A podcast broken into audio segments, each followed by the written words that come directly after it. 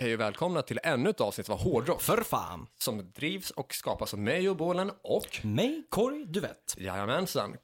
Eh, Det här är, kan vara det 70 avsnittet. Det kan vara.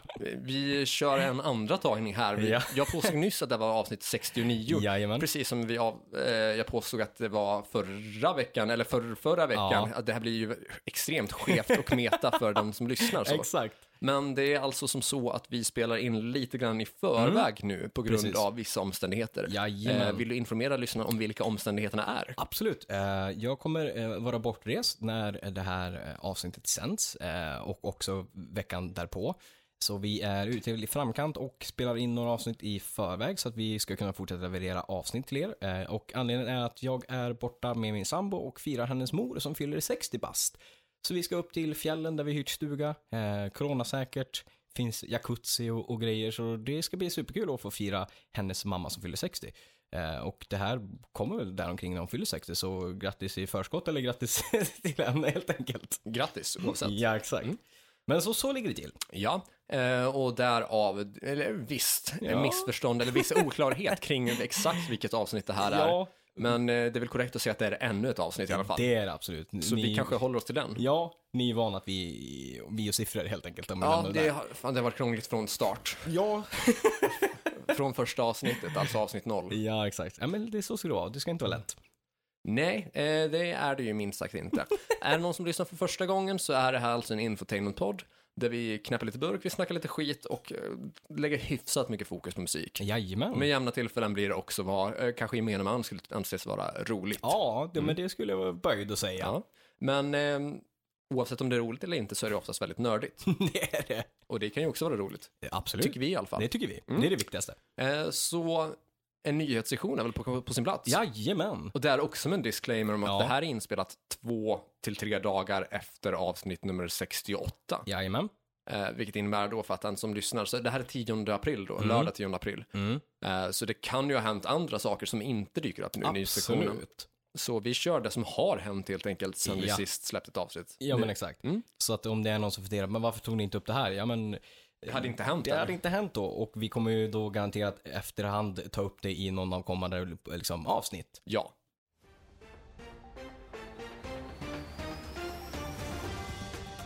Men då är det dags för de sedvanliga nyheterna. Vill du börja? Ja, det kan jag väl absolut göra. Eh, jag vill där informera om att Machine Gun Kelly, eh, raprockaren då och tillika poppunkartisten numera, eh, gör en Anthrax och släpper ett tidigare album tillsammans med en graphic novel då. Se där ja. Ja, eh, vi pratade tidigare om hur Anthrax släpper Among the Living, Ja, eh, som dels limiterad bildvinyl, Mm. men också en graphic novel då. Och då pratar vi alltså som bokform med eh, serieteckning, serietidningsteckningar då, Ja. helt enkelt. ja men exakt.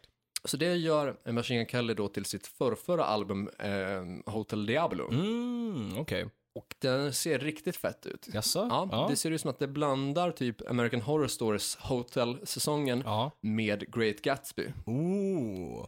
Samtidigt så håller den liksom så här, eh, tecknandet en stil som påminner väldigt mycket om Rick and Morty-avsnittet där djävulen är med och kränger här varor där man inte Ja. betalar med pengar Nej. utan man betalar med en bit av sin själ eller mot, mot någon annan form av lidande. Ja, Så det här är ju verkligen right up my alley. det låter Eh. helt klart intressant.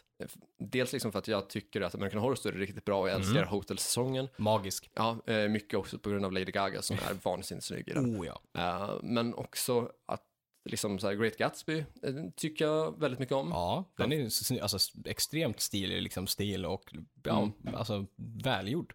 Ja, så det här ser jag fram emot väldigt mycket då. Fan, Eh, kul. Jag försökte förboka ett ex häromdagen, men då var Super Deluxe Edition redan eh, slutsåld och sen Aha. så blev jag osäker på exakt vilken utgåva eller vilket av alternativen som innehöll vad då. Ja, Jag ville ha både liksom så graphic novel Ja. med liksom hårt omslag plus, eh, plus vinylen då. Mm. Eh, och det här slänger vi upp som gratis content då på Patreon då, så att eh, ni ser då. Men jag visar dig nu en bild på att det här är då liksom själva så här grunddesignen då. Oh, fan vad nice. Jag förstår vad du menar med Great Gatsby och eh, AHS. Det är verkligen den stilen. Samtidigt lik djävulen i eh, Rick and Morty. det, det är mycket olika inslag där. Snyggt. Ja, så eh, patreon.com slash hrffpodcast för er som vill se det här. Och det blir alltså gratis content som ligger uppe från med 10 april. Jajamän.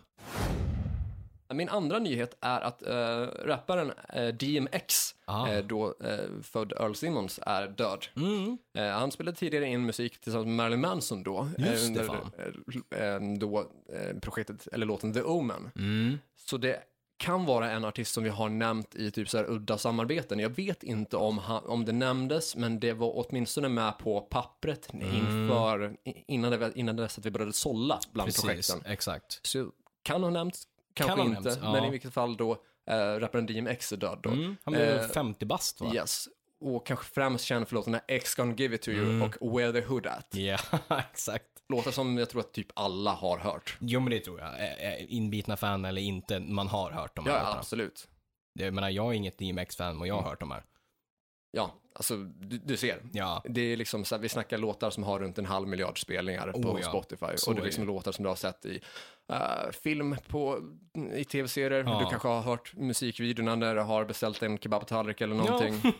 Någonstans har du definitivt hört X Gonna Ja. Give It To You Ja, och så är det. Where The Hood At. ja. Det var en hjärtinfarkt va? Relaterat till... Ja, till, till, följd av, ja, till följd av överdos. Ja, så var det. Mm. Men det, ja, det kan väl vara samma sak. Ja, exakt. Han har väl haft en ganska så lång fight mot eh, missbruk Ja. och beroendeproblematik. Så hjärtinfarkt till följd av överdos. Mm. Nej men det är tråkigt. Det är Mm. absolut ingen ålder, liksom 50 bast. Nej, det är ju tyvärr inte det. Eh, annan imponerande siffra dock är att han lämnar 15 barn efter sig. Det är ju fan jävligt sjukt. Ja, det är lite såhär Bob Marley-nivå Ja, typ. och jag gissar att det är fan med inte med samma kvinna. Eh, jag har faktiskt inte koll där, men jag känner mig ändå ganska säker på att jag kan säga nej. Exakt. Så vi har rockstjärnor och framförallt trummisar som brukar vara känd för att ha barn med flera, men 15 barn, det, då har man legat i alltså. Ja, det har man definitivt gjort. Ja, Ja, verkligen. tråkigt i vilket fall. Det är det, Mm. det är det verkligen. Då rullar jag in på en rolig, eh, gillar jag alltid nya släpp och framförallt från de som kanske inte är oväntade, kanske är fel ord, men de som inte riktigt är aktiva längre. Och då Mm. snackar vi Motorhead. Eh, de släpper Rocket, eh, en singel och video. Eh, från Louder Than Noise Live in Berlin. Och det är väl en av de sista eh, turnéerna tror jag som eh, Lemmy Kilmister och Motorhead gjorde. Mm. Eh, december 5, 2012. Right, Ja, då, då hade vi Motörhead under några år kvar Ja, på precis. nacken. Så att, eh, men det, det verkar vara som att den är väldigt bra kvalitet, det var proffsigt liksom inspelad och alltså all typ av liksom ny, även om det inte är en ny låt eller så, så är det ändå kul med nya liveframträdanden och sånt från ett camp som liksom inte finns längre på grund av att ja, men Lemmy gick bort. Ja, ja, absolut. Så det tackar vi och bockar för, det är vi absolut taggade Alltid på. trevligt. kring fler släpp. Eh, Mr Big eh, har gått ut och säger att de släpper en jubileumsutgåva av, av Lean Into It. All right. Det vill säga den platta som eh, fyller då 30 år. Den släpptes 1991 och vi hade ju då låtar som där de slog med som To Be With You men också Your Daddy, Your Brother, Your, bro your Sister and Your Little Brother Too eller något sånt där. Eh, konstigt namn men Känner inte igen titeln, men okej, ja. Svinbra låt. Mm. Eh, Just Take My Art. Och de, de slog ju hårt med den här. De tror jag pikade på nummer 15 på Billboard 200 charts. Eh, All right. ja, det, ja, Så det är ändå jävligt bra. det är bra. Ja. To Be With You låg ju såklart där, som att det var liksom en hitlåt för dem, så låg den nummer ett på Billboard Hot 100 då.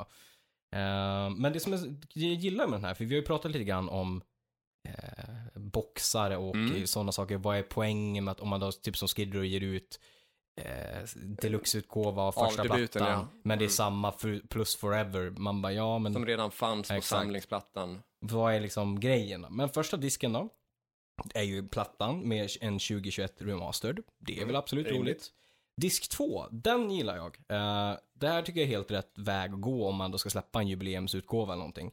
Eh, den innehåller eller unreleased och hard to find bonus tracks. Det Pre- gillar man. Det är precis det man vill ha. Exakt. Plus eh, en minusbas och minusgitarrspår, eh, spår, alltså flertal. Especially made for musicians to jam with. Också tacksamt liksom, för nice. folk som Ja. gillar Mr Big och vill liksom jamma. Att man inte behöver kanske jamma mot en B-karaoke-låt utan att det är riktiga liksom, spåren minus gitarr och bas då, för ja, folk som är ett fan av Billy Sheehan eller Paul Gilbert. Då. Så det, det tycker jag absolut är rätt väg att gå när man ska släppa någonting jubileum eller släppa någonting speciellt. Att inte bara, ja men det är plattan. Eh, och den är remasterad. Ja, fine. och vad är, vad, vad är nytt då? Exakt, vad är jubileum, firat liksom. Ja, äh, Och det jag också gillar då är liksom att absolut demos och så, men att det är demos som då inte är släppt och som antagligen är svår att hitta, vilket att det är säkert mycket som de har haft, som de inte liksom har släppt tidigare. Så det är ju säkert en hel del låtar som vi får höra för första gången, vilket är svinkul. och det är så man vill ha det. Det Exakt, så man vill ha det. man vill ha det det. känns ju verkligen som att de har tänkt till med det här projektet, och, eller med, det här- med det här släppet. Ja, och 100%. att man ger fansen vad de vill ha och liksom gör det på olika sätt. Ja, ja men så är det ju. De tänker utanför boxen med sin box. Exakt! Precis så, huvudet på spiken där. Sista nyheten. Eh, vi har ju pratat om den här personen en hel del. Eh, vi har gett han ris, vi har gett han ros. Eh, Och nu är det dags för lite ros va? det är faktiskt dags för lite ros och det är ju inte så ofta vi har gjort på sista tiden. Vi pratar om herr Archie Cruz, även känd som Arto. Eh, Eh, ja, så var det något till där på H va? Någonting på H där. Ja.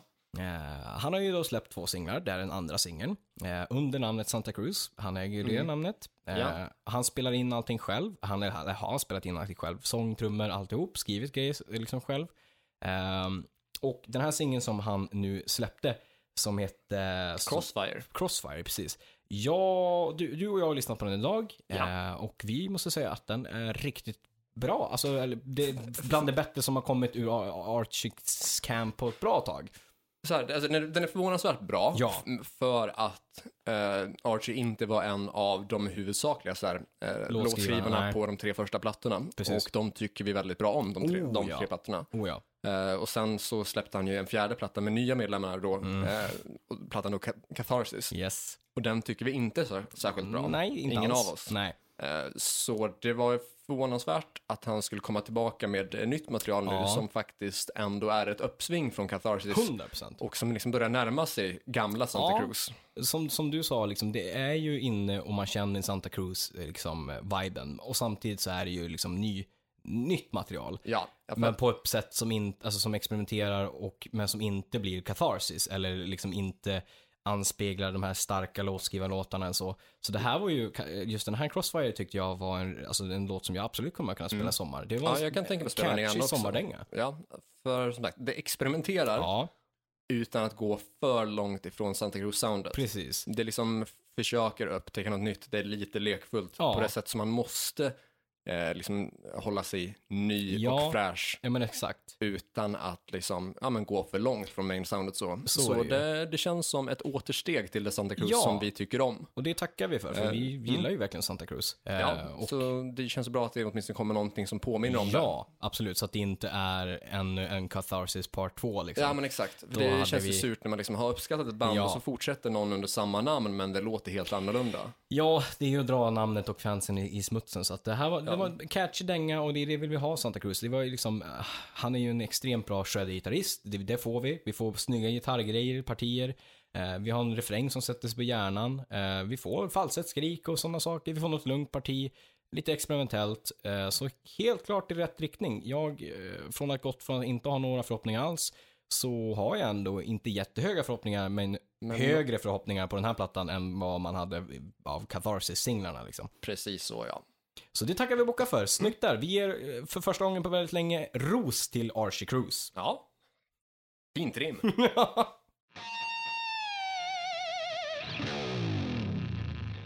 Då så. Eh, Den här veckan så är temat One Hit Wonders. Stämmer? Och den absolut mest självklara liksom, eh, utgångspunkten är kanske att förklara vad det är för Ja. någonting. Om det är som så att någon är obekant med begreppet då. Ja. One Hit Wonders är väl det som man på svenska har kallat för dagsländar då. Och det innebär väl i korthet då typ att ett band eller en artist släpper en singel Mm. som blir en jättehit Mm. oftast då.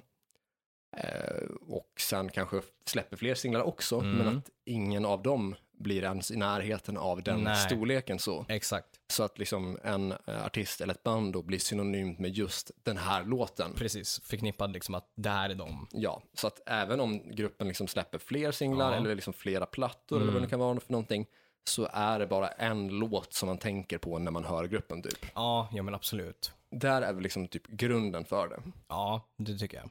Och så långt så vet jag att vi bägge två är överens. Ja. Sen så blir det ju lite så här typ eh, upp till diskussion för Mm. var, var liksom sätter man Var egentligen gränsen? gränserna typ Ja. för att vad, ja, alltså vad räknas egentligen som en hit Ja, och hur liksom stor får näst största låten vara precis. för att liksom så här räknas som att det är ett one hit wonder. Mm. Så är det. Jag har faktiskt två bra exempel där som Mm. ena talar för One Hit Wonder och andra är, liksom, är, som är upp för diskussion. Liksom. Mm. Jag Vad, lä- vad tänker du är det mest självklara exemplet på one hit wonder då? Det absolut självklara tror jag, eller i mitt tycke, är Warren Cherry Pie. Ja, För där har du ett sånt att de släppte den låten på grund av att bolaget behövde ha en hit. Eh, de fick en jävligt stor hit med den. Den rullade på MTV, den videon har ju gått hårt som fan. ja jag undrar om inte singeln eller plattan hade första platsen Ja, i USA på. Billboard-listan där. På grund av liksom Cherry Pie. Och Janie Lane blev ju liksom, Cher- alltså, som han uttalade sig om innan han gick bort liksom, i intervjuer, att med den låten över en natt så blev han the Cherry Pie guy. Ja, Och där tycker jag ganska liksom, så tydligt att de, det är liksom, folk kan den låten. Kanske inte kan så jättemånga andra låtar från typ den plattan.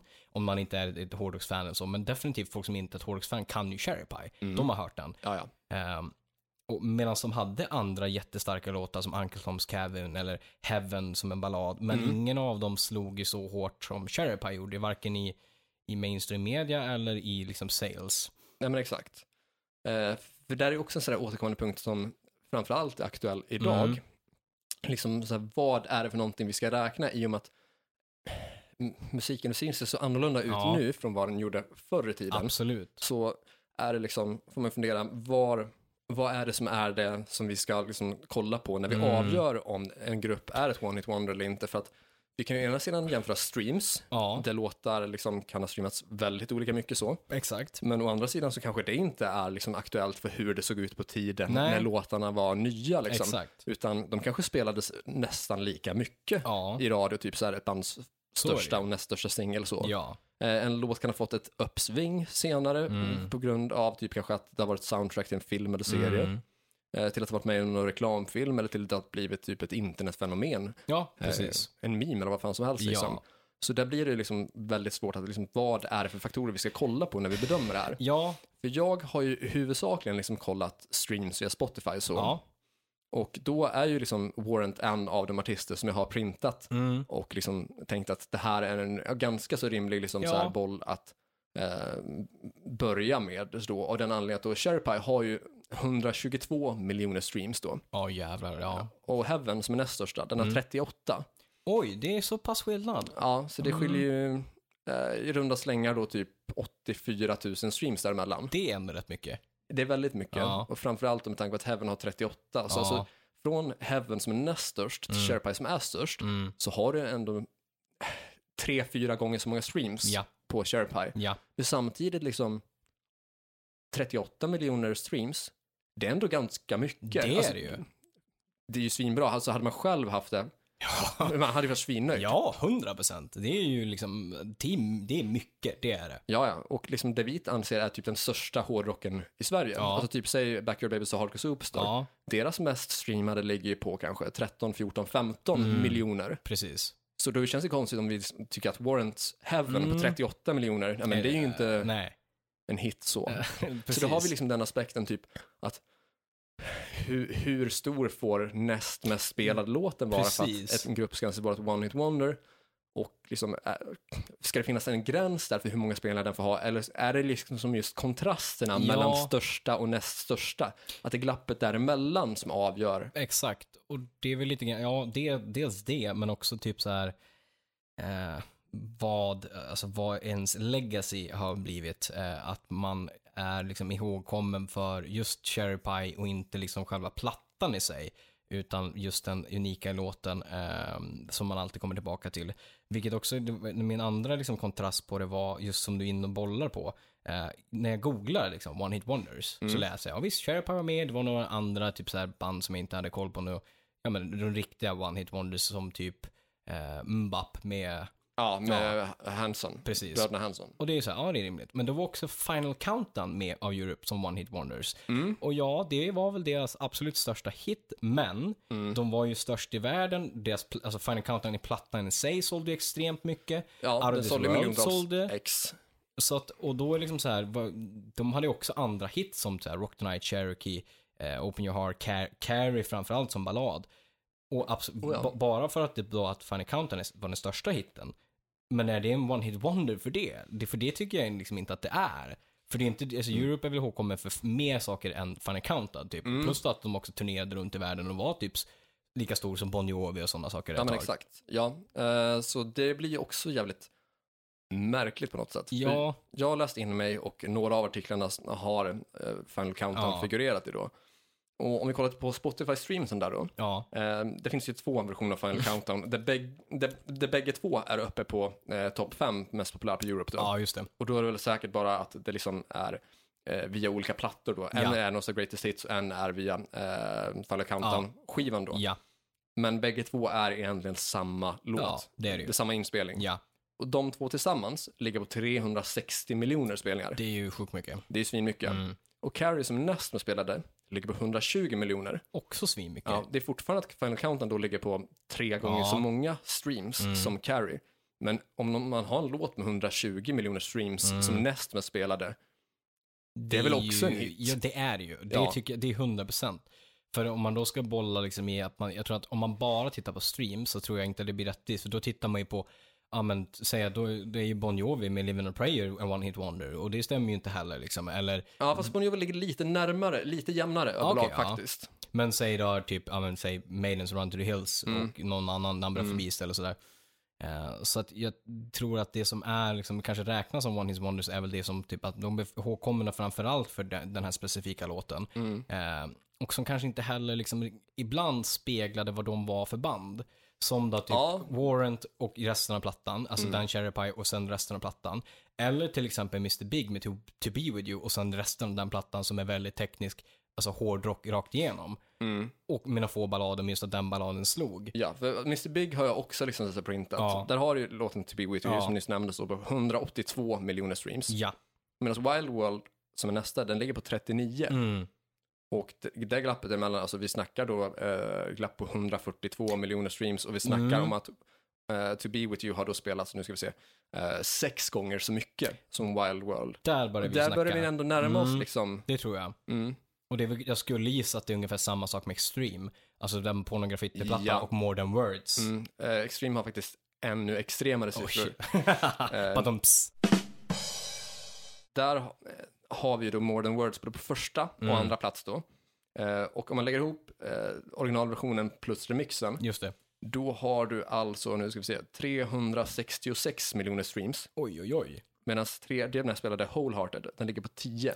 Oj, det är är alltså att More Than. Words är alltså då nästan 37 gånger så många streams. Ja, men där snackar Där vi. är det ändå One Hit Wonder. Där tycker jag att det är, i de fallen så är det verkligen, där kan man Mm. säga tydligt One Hit Wonder. Med just att det är sånt glapp, men också typ såhär vad bandet liksom så här, ja men resten av plattan som Pornografit är ju mer Van Halen och liksom åt det hållet. Mm. Medan just, ja men Modern Words kan alla. Kan man någon annan låt från den plattan om man inte är liksom ett Extreme-fan eller eh, musikfan på så sätt? Antagligen inte. Nej. Men Modern Words, den kan man. Och den Ja. har liksom figurerat och gjorts, eh, inte, med en viss parodi på liksom i populärkultur som när Jack Black och eh, eh, Kyle Gass du tänker på i Tennessee eller Ja, vad? precis. Och de gjorde en av de här program, eh, de här, eh, och vad heter han då? Han som har, inte typ late night, utan någonting åt det hållet. Typ Ja. så här, inte Conan, men någon annan av Mm, dem. ja. Gjorde ju liksom en sån grej. Och mm, där är, Är det liksom, den, f- jag tänkte säga Folkord Song, men det är inte alls den. Nej. Nej. Fast den är väl också med där också liksom. Så där Ja. ser man ju liksom att det är ju de låtarna som kommer tillbaka. Och då, Mm. i de fallen så, To Be With You, More Than Words är ju, och liksom Cherry Pie då, är ju väldigt så här, tydliga exempel. Men fan att det var så jävla extremt på Extreme, det var ju... Ja, så- visste jag inte ändå. Liksom. Jag visste ju att det var sjuk skillnad, men, det är ju rejält. Mm, för från liksom 367 miljoner till 10 miljoner. Det är ett jävla hopp. Ja. Det är det verkligen. Um, om man tänker liksom, alltså, där tror jag vi ändå är inne liksom och, och hittar vad the essence av kanske One Hit Wonder är, typ. Mm. Ehm, för det är ju sånt extremt hopp där, som sagt. Eh, några som jag, fler som jag hade liksom skrivit upp som jag tänkte ungefär, jag vet inte, jag ska se vad streamsen ligger på där. Ehm, ja, men tänker kanske lite grann också typ uh, We're not gonna take it, Twisted Sister. Ja. Hur ligger det till kontra typ, alltså, ja, man bortser också från We're gonna rock då. Eh, Eh, I wanna rock. Ja, precis. Ja, fast bägge de två är väl åtminstone liksom så mycket större Ja. än liksom resterande diskografi så. Precis. Eh, om vi tar en kik här på Twisted Sister som jag faktiskt hade glömt bort, eh, ja, anses då vara two hit wonder då. Ja. Där har du då, We're Not Gonna Take It ligger på 206 miljoner streams, Mm. I Wanna Rock på 113 miljoner streams, Ja. eh, så ändå, alltså snäppet över hälften, men Ja. ändå jämförbart liksom så. Mm. Medan tredje mest spelade The Kids Are Back, den ligger på 18 miljoner. Mm. Så mellan The Kids Are Back och I Wanna Rock så går det ändå liksom nästan 100 miljoner streams. Och då är det ändå Ja. liksom att det krävs typ sex eller sju gånger Kids Are Backs streams för att komma upp i I Wanna Rock. Precis. Eh, Så Twisted Sister är definitivt aktuella för diskussion här. Eh, Och då med kanske benämning som Two Hit Wonder. Ja, ja men exakt. Det är samma typ av liksom grej där. Mm. Eh, en till som var med i listan som, som jag läste, liksom var liksom så One Hit Wonders. det var Uriah Heep med Easy Living. Och den ligger på, på Spotify, den, är, den ligger inte ens som första heller, vilket är intressant. Eh, right. Men den ligger på mer streams. Ja. Eh, den ligger på 20 miljoner streams. Mm. Eh, och den första populära, som är Lady in Black, ligger på 18 miljoner streams. Så det är inte ett jättehopp. Men däremot om man tittar på fyran och femman, då har vi båda fyran och femman som är Stealing och The Wizard ligger på 5 miljoner streams. All right. Så där kanske det ändå är rimligt, men det är ju ändå konstigt att, det, så här, att om de skulle vara ett one hit wonders, de hade ju ändå Lady in Black som skiljer 2 miljoner Ja, liksom. det är inte stor skillnad Nej, faktiskt. verkligen inte. Eh, mer som jag tänkte kring, alltså kring det som passar in mer mot Extreme och liksom To Be With You. Många, alltså, jag tror man måste ändå diskutera de banden som kom lite sent typ, och undrar om de räknas typ så här, jag tänker typ så här Firehouse, eh, Ja, men Firehouse är ganska jämna ändå. Ja, det var det jag tänkte, för där skulle man kunna tänka att det skulle kunna vara ett one hit wonder med typ All She Wrote. Men när man tittar... Och du, jag tror inte ens att det är deras mest spelade. Nej, vilket jag tycker ändå, så- för det var ju låt som gick jättehårt om man tittar som vi sa, hur det såg tillbaka ut i tiden. Ja. Den gick ju jättehårt på MTV, just den musikvideon och alltihop. Och den låten liksom har väl figurerat ganska hårt i, liksom i radiokanaler Mm. och så.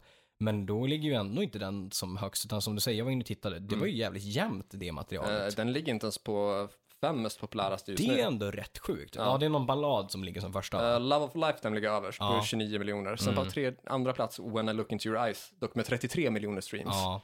Sen I Live My Life For You på 24 miljoner. Sen Don't Treat Me Bad på 14 miljoner. Sen Here For You på närmare 5 miljoner. bara ballader på femman, eller på alla de fem också. Eh, ja, ja. I stort sett. Mm. Ja, Don't Treat Me Bad är väl typ semiballad då, kanske Ja. mittemellan där någonstans. Exakt. Men ändå liksom. Ja, det är ändå, men då är, det, då är det ändå jämnt där. Då kan man inte riktigt, alltså, Nej, jag kan inte anse att det är liksom Nej. One Hit Wonder bandet då. Utan, precis. eh, ett, ett, ett, sånt, ett exempel som jag tycker är självklart One Hit Wonder, det Ja. är gruppen Wheatus. Eh, ah, alternativ mm. rock slash poppunk. Ja. De Där gjorde Teenage låten- Dirtbag Exakt. ja, Där är tydligt. Och den gick ju hårt liksom i typ så här uh, American Hawk's Pie, Skate typ. Ja. och American Pie.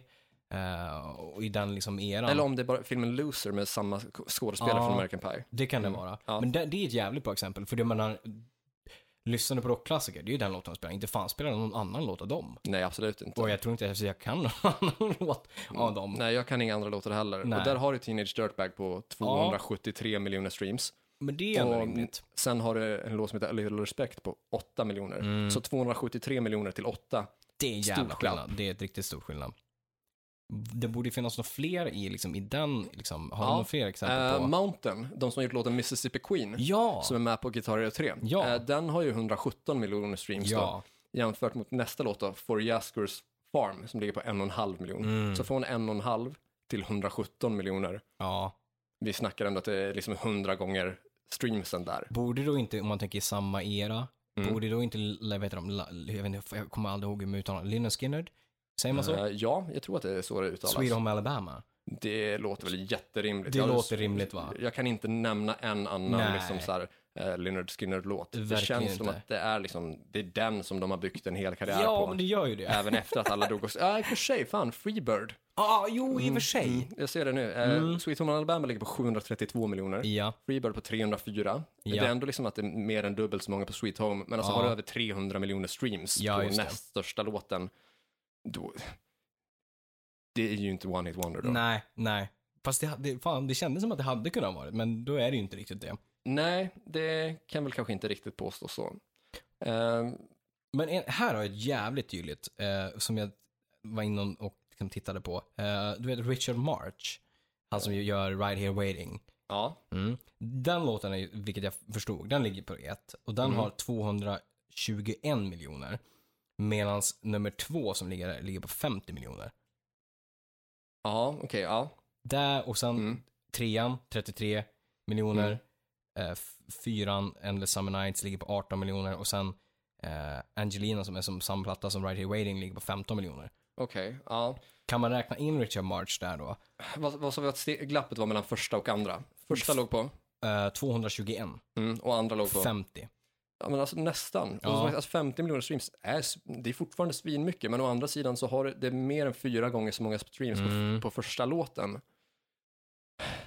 Så det, det blir liksom jävligt svårt att avgöra den Ja, det biten blir något ju sätt. det. För samma sak tänker man ju liksom så här, ja men tänk Brian Adams Summer of 69. Ja. Den kan alla, den Ja. spelas svin mycket.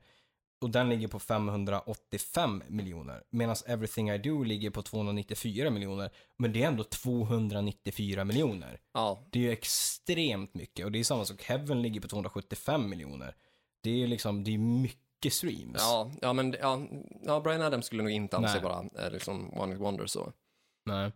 Men några som är liksom så här, eh, up for the grabs, eller för Mm. diskussion så.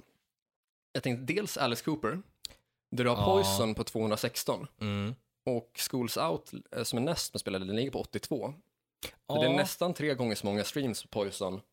precis. Och jag såg faktiskt, Cooper gjorde det, samma sak som The Flippar, de gjorde någon sån här röstningsgrej på deras Instagram. Ja. Där man liksom, ja men, eh, där låtar, två låtar liksom går Mm, mot mot varandra. varandra, ja. och så hela vägen tills det bara är en låt kvar. Och då Ja. blev ju såklart Poison stod mot Schools Out och Poison blev den. Ja. Vilket var ju inte, eh, inte oväntat heller. Med tanke på Poison var en sån hit och det är något som alla kan. Jag skulle inte säga att det är världens bästa låt och jag skulle inte säga att det är Alice Coopers bästa låt. Nej. Men det är ju det är hans, uppenbarligen hans största hit på något sätt ändå. Ja, alltså det, det går ju inte att komma ifrån. Att Nej. Så är det ju liksom. Oavsett vad man tycker om det. Ja, Siffror är ju siffror, det är ju svårt att argumentera ja mot det. men exakt. Eh, och så är det ju liksom. Ja. Men jag tänkte, ut, utöver Alice Cooper, så Mm. var det eh, en grupp som jag fastnade för, Survivor. Ja, alltså eh, Burning Heart och eh, Eye of Tiger, Tiger, precis. Rocky. Ja, och det är ju de två som är de två största låtarna. Ja, det är det. Eye of the Tiger ligger på 660 miljoner streams. Det är fan mycket. Svin mycket. Burning Heart som är tvåa, det ligger på 117. Oj, det är ändå sånt glapp. ja. Ja, ja, alltså det är nästan sex gånger så många spelningar på Eye of the Tiger. Båda med i Rocky-filmer. Ja, men Eye of the Tiger blev en större Ja. hit liksom så. Jo, men det och kan jag väl 117 ändå miljoner säga. streams är mycket, Det är men som sagt, extremt. Eye of the Tigers är sex gånger så många. Mm. Men jag... Var liksom får man sätta gränsen? Ja, det är väl det. Det är väl också lite grann så vad folk faktiskt skulle förknippa dem. Alltså, så här, ja, Burning Heart var ju med i Rocky. Det är en känd låt. Mm. Men streamsen skiljer dem åt. Och sen om du skulle fråga gemene man, tror du att de kan Burning Heart också? Eller tror du att de bara kan lista Eye of Tiger? För Eye of Tiger har alla hört. Alltså, Alla har hört alla har hört den. Har de inte sett den i Rocky så har de hört den. De vet att det är en, liksom en träningslåt. De har, de har tränat på, till den på gym. Det är liksom är starkt förknippat med film, med, med populärkultur. Ja, Så det känns ju verkligen så. Och det, vi var också inne i listan, du, eller du var inne och listade i eh, så här, saker som har fått en revival och så. mm. Skulle man, för där skulle man ju vilja diskutera, Journey var ju ett extremt stort arenarockband. Och Don't Stop Believing är ju en, en av världens, världens största hittar. ja. Som också fått en revival gång på gång med typ Sopranos, med Glee, som har liksom fått en, liksom kommit tillbaka och är fortfarande en hit och säljer extremt bra idag och får via nya konstellationer, nya streams. Skulle man säga, alltså typ, skulle man säga ändå att Journey med den låten är en one hit wonder men samtidigt så var de en av världens största band också, för det är det som är så svårt att avgöra. När det blir för stort och folk Mm. förknippar liksom så här, ja men de kan den låten. De kan säkert någon låt till, men det är väl framförallt den låten. Men de var ju fortfarande en, om man tittar tillbaka i tiden kontra nu, så är de fortfarande aktuell idag. Och med liksom att de får revivals. Och de var ju framförallt aktuell då liksom på 80 och ja, början, slutet på 70. När de var liksom en av världens största arenarockband. Arenarock förknippas ju liksom starkt med Journey till exempel. Oh ja, alltså jag tänker att en del av problematiken blir just där när det blir, Ja, en låt blir så pass framgång, exakt. eh, framgångsrik att den når, alltså utanför eh, sin egen publik, utanför sin egen Mm. genre. Och Exakt. att, att, att du då per automatik får nästan liksom så här eh, one hit wonder stämpel bara Ja. för att när du börjar nå utanför din så här Mm. ordinarie publik så, då blir det ju så att då blir det jättemånga som bara kan den låten. Ja, och det det är är ju inte det. heller liksom så korrekt för One Hit Wonder kan jag tycka, att det blir jävligt så här orättvist på något sätt. Det tycker jag. För att One Hit Wonder är ju lite av en, alltså det har ju en okreddig stämpel på det sättet ja. att det liksom, ja men de lyckades en gång men sen inte mer. Nej. Medan det mer är så typ att en grupp liksom kan ha gjort många bra låtar Mm. och framförallt varit väldigt uppskattade inom sin genre eller Absolut. sitt community. Men att bara en låt råkade bli liksom Ja, mainstream succé. Exakt. Vilket är väl det är också typ så här, det är väl det man typ så här igen, alltså du vill ju det. Kanske inte att, det, det, det finns ju en baksida av det och det är ju som du säger att man blir för ihågkommen av, som Cherry Pie, the Cherry Pie guy. Men samtidigt tjänar du ju extremt mycket pengar på den. Du har ett legacy med den. Och jag menar som sagt, i det fallet, ja, fine att Cherry Pie slog hårt och spelas mycket, men plattan sålde ju också jättebra. På grund av den singeln. Mm, jo, onekligen ja. Och har ju banat vägen för en karriär. Och sen synd att Warrant kom så sent som det gjorde med, med grungen och så, så att det blev som det blev. Men det, det, det är ju en otacksam titel samtidigt som det, det är ju också en bekräftelse på att man har slagit liksom. Ja, exakt. Det, det är det ju. Så det är, problem, det är en problematisk grej egentligen. På många plan. Ja, Eh, ja, blir det liksom. För när jag tänker på One Hit Wonder, mm. då är det ju liksom inte, då är det inte jättemycket höga tankar då liksom, Nej. utan då tänker man oftast ett mediokert band Ja. som råkade få till en bra låt. absolut. Men det är ju liksom inte korrekt på något sätt Nej. egentligen. Alltså egentligen inte. Alltså när vi, de grupper, många av de grupper som vi har snackat om nu Ja. är ju ändå liksom så grupper som vi själva tycker om Ja, ja. fler låtar av. Så. Absolut. Det blir liksom svårt att sätta fingret på vad exakt räknas som One Hit Wonder Ja, och vad exakt innebär det egentligen att vara ett One Hit Wonder. Ja, men precis. Alltså, för det finns ju folk som, alltså det finns ju de som klassas som vi har tagit upp som Mr. Mm. Big och allt det där. Ja. Och sen finns ju de extremt tydliga som, som vi sa som Teenage Dirtbag eller typ Mbap eh, och sådana saker där de verkligen bara försvann. Ja, Eh, det var den låten och sen så, det var ju inte så att de fick en, liksom en hit nummer två liksom. nej. Utan det var verkligen Mm. den. Men sen finns det också de i kategorin som räknas som One Hit Wonders, men som är lite otacksamt för att jag menar, de har en stark fanbase, de har turnerat världen. Jag menar, Mr. Big fortfarande innan trummisen gick bort nu för några år sedan, turnerar ju liksom i Japan och sålde väl ut i alla fall en, eh, ja men en, en arena för 25-30 tusen.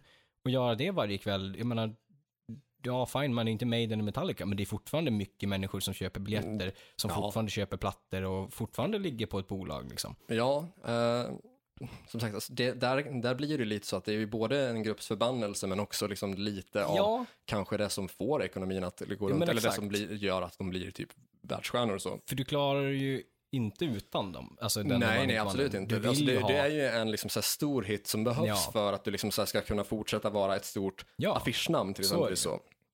För har du liksom haft en, en stor hit, då kan du fortfarande så headline och så. ja, Det är- mycket svårare att liksom sätta ett, en, eller att motivera att ett band ska vara längst upp på en affisch eller Ja. vara en headliner om du inte kan liksom pinpointa en specifik hit. nej, nej men så är det ju. Då blir det liksom det blir svårt ur marknadsföringsperspektiv. Jag tänker lite det här som vi har varit inne på när vi har haft eh, gäster och sådär och Mm. vi har snackat om hur, hur man eh, pitchar sitt band, hur Ja, man pitchar exakt. sitt sound. Liksom Ja. så här. Och det är klart att eh, de flesta egentligen mest bara spelar hårdrock egentligen. Ja, Så, eh, och det är fine så. Och det är framförallt för oss som vet om Ja. hur det låter sådär. absolut. Och visst, det är, det är hårdrock. Det är det alltid. Eh, och det är fullt tillräckligt så. Men det blir så jävla svårt att sälja in det till en utomstående exakt. om du inte kan liksom peka på vad är det för någonting som är specifikt och vad är det som är unikt här. nej, Eh, exakt. och lite så blir det ju också med om du har ett band som du vet att ja, men jag tycker om svinmånga låtar här. Ja, Men om du ska visa en låt för någon och du inte kan Ja. välja liksom så här, eller liksom, det inte finns en självklar. precis. Där, där blir det ju liksom svårare. Mm. Ehm, två låtar som jag kom på. Uh, Chesney Hawks, eh, han som gjorde den 80-tal 80-talslåten I am the one and only. Right? Eh, den är ju typ bara hans enda hit och den är ju så från filmer och, och så. Eh, vet du vilken låt som det är? Ja, mm, Ja. Mm, jag satt och funderade, men liksom sjöng exakt. titeln i huvudet. Ja, och, då kom och den på. upp. Mm. Den kan man ju ingen annan låt av honom. Och det var ju bara i stort sett han gjorde. Sen också Creep. Ja, av Radiohead. Ja, Mm. det är väl eh, deras, alltså den känns ju som en one-hit liksom grej som vattnades ur. Ja, och inte heller så att den kanske är liksom typ så speglande för bandets sound. Mm, Nej, faktiskt inte. Det är ju där som det blir liksom farligt. Exakt. När man får dras med en låt en hel karriär utan att den liksom är, Ja, är det man kanske helst vill spela. verkligen. Något som är utanför också, som jag, jag är inne på en lista, här, som är utanför vår rock, liksom, eh, genre, men vi är ju van med att dra in sådana saker. Ja. Vanilla Ice, Ice Ice Baby. Ja. 100% one hit wonder. Som också liksom så här eh, inte banade väg för någonting rimligt utan blev den låten eh, som blev så fucking uttjatad Mm. eh, och sen försökte ge sig på någon typ av skådespelarkarriär efter att det inte ja. funkade med Men det. alltså inom popmusiken så känns det som att det är mycket vanligare med One det Hit känns Wonders. som det. Och där är, det känns det också som att man har skapat artister och projekt på ett helt annat sätt För än hur den man, hitten Ja, och sen exakt, inget exakt. mer liksom. Att det där är kanske inte alls lika vanligt att man skriver musiken själv, utan att det Nej. kan det ju vara liksom bolagspersoner eh, som har kno- knoppat ihop någonting och liksom känner att ah, men det här skulle vi kunna göra en hit av, nu behöver vi någon som kan representera det. Ja, Och att man därifrån sätter ihop precis. en karriär. Ja. Eller liksom Och bygger den Ja. utifrån den här one hit grejen. exakt, på ett helt annat sätt än vad man gör eh, inom kanske rockmusiken. Ja, Så. för det känns som att det är tydligare, som du säger, inom popmusiken. Mm. Att det här, vi gör det här för att det ska vara en one hit Mm. eller i alla fall att vi ska få en superstor hit och sen, Mm. då har vi fått en superstor hit, då är vi klar. Ja. Eller då, då liksom, vad som än händer därefter, Mm. det är lugnt. Vi fick en jättestor hit, vi tjänar pengar på den. Mm. Men typ i rockindustrin känns det som att, oj, vi fick en hit, vi fick en one hit wonder och dras med den, medan som fortfarande kanske inte speglar ens egna musik. Man kan släppa platta på platta på platta, men man ändå blir med den stämpeln, men det kanske inte är lika tydligt var man då drar gränsen där. Nej, det är ju liksom ändå en viss skillnad där. Ja, på något sätt. Eh, det känns som att det är som sagt mycket lättare att hitta liksom, exempel på One It Wonders inom popmusiken. jag tycker det. För alltså, så här, vi, ja, vi kan hitta några tydliga exempel som Mm. vi sa, liksom med To Be With You eller så.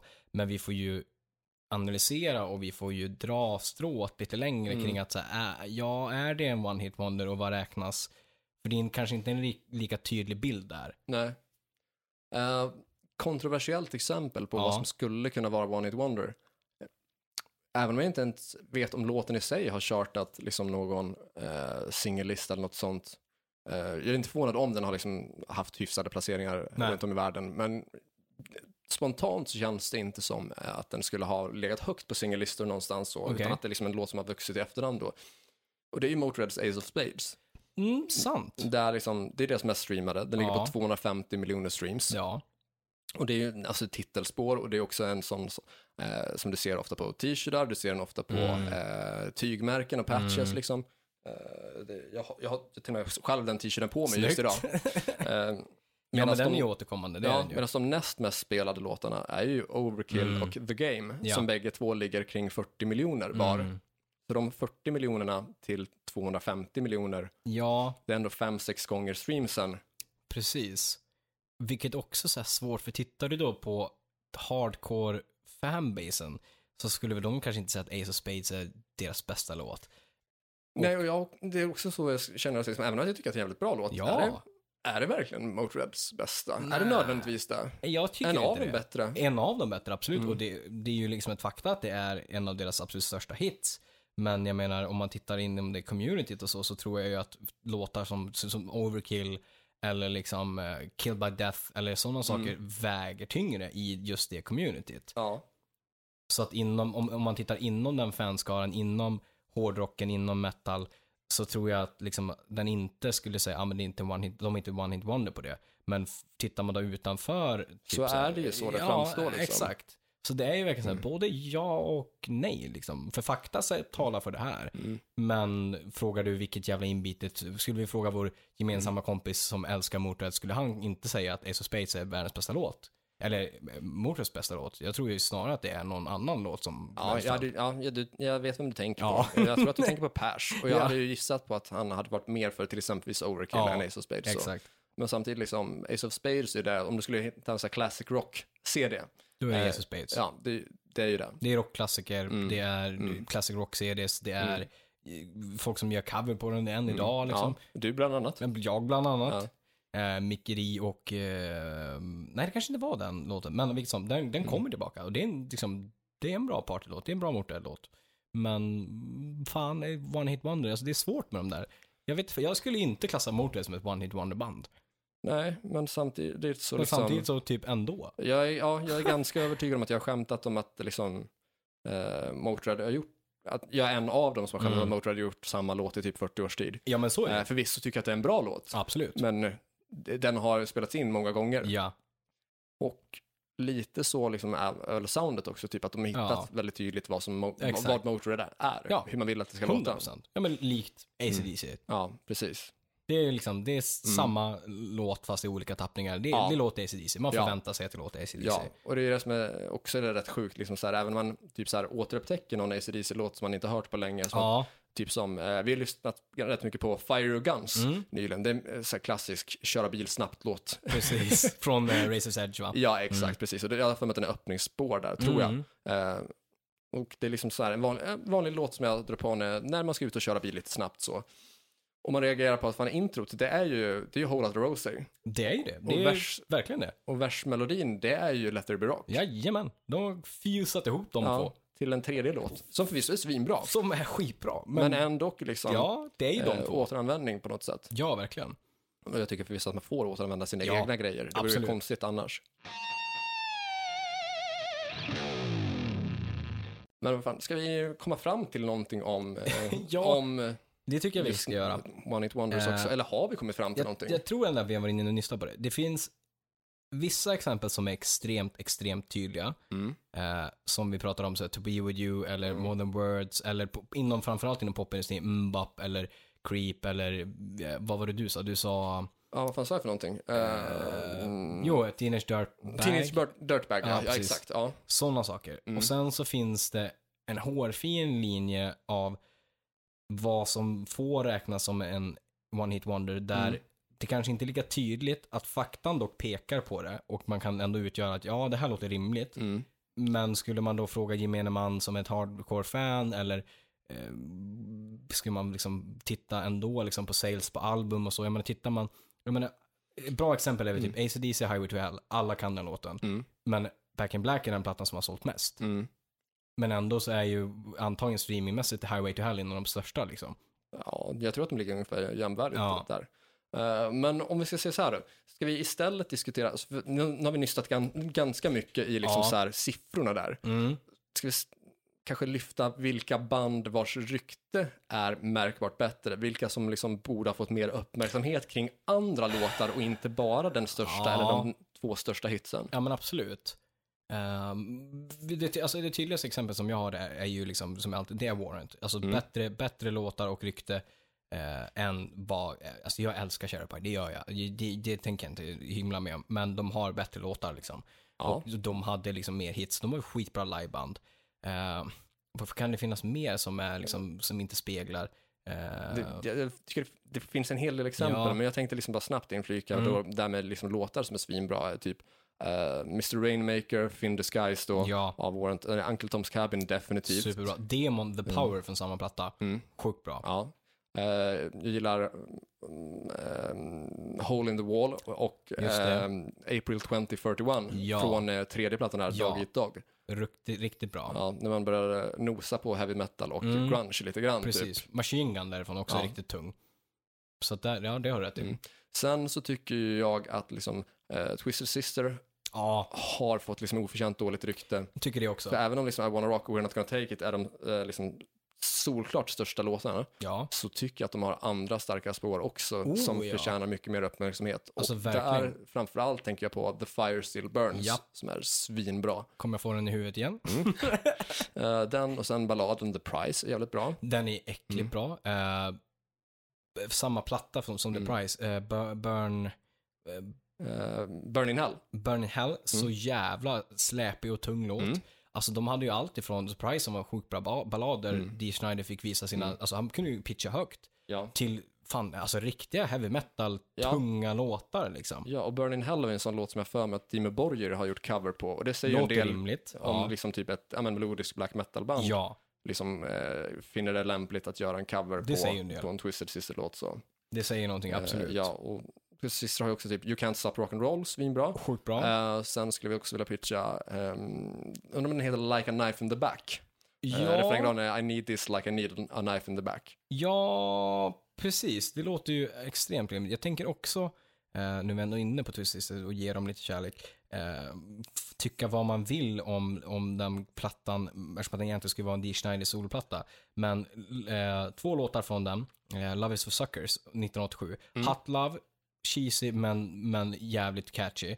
Men också Love is for suckers är en riktigt bra hårdrocksdänga som är liksom en stor refräng och mycket, alltså, mer metal än liksom där cheesy hårdrock-grejen liksom. Ja, svinbra låt faktiskt. Eh, har den på vinyl, spelar hyfsat ofta. Ja, Eh, sen så skulle jag väl också, alltså en grupp som jag definitivt skulle vilja lyfta då. Ja. ehm, alltså jag, jag, jag skulle vilja säga, alltså Alice Coopers material från sent 80, tidigt 90. ja, ja, ja, ja 100 procent. Alltså vi tycker- snackar Bed of Nails, vi Ja, snackar... House of Fire. Ja, Eh, Vi pratar Might as well be on Mars. ja, Tycker jag liksom, det är kanske Alice Coopers kanske bästa låt någonsin, Ja, tycker ja. jag i alla fall. Så, starka låtar. Det är, ja. sto- det är bra refränger, det är bra prodd, det är hårdrock samtidigt som det liksom inte är det, här, det, det, det känns som att det är långt ifrån Poison ändå. Liksom. Alltså det, även om Poison visst det kan vara en bra låt, så fanns det betydligt mer att hämta där. ja, det gör det ju på, på många sätt och vis. Så eh, där tycker jag faktiskt att det är mycket material som har hamnat i skymundan som jag tycker Verkligen. liksom förtjänar mycket fler liksom spelningar och streams Ja. och liksom uppmärksamhet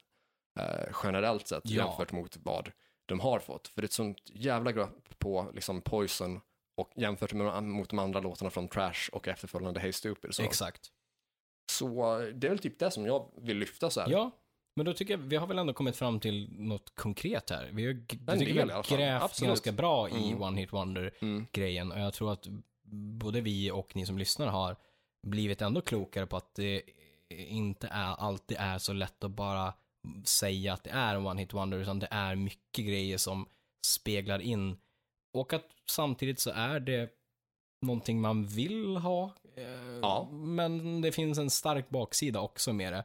I vissa fall, inte alla fall. Man kan ju välja liksom att göra det bästa av det, att man kan, man kan antingen liksom ta det i det fallet som Warrant, liksom att ah, jag blev the pie guy. Ja, Men man kan ju också göra någonting av det och inte liksom känna, alltså låta det prägla sig över sig. För man måste ju ändå, jag tycker det är så synd att i det fallet att Jenny Lane såg det på det sättet att det liksom hemsökte han ända innan hans liksom död.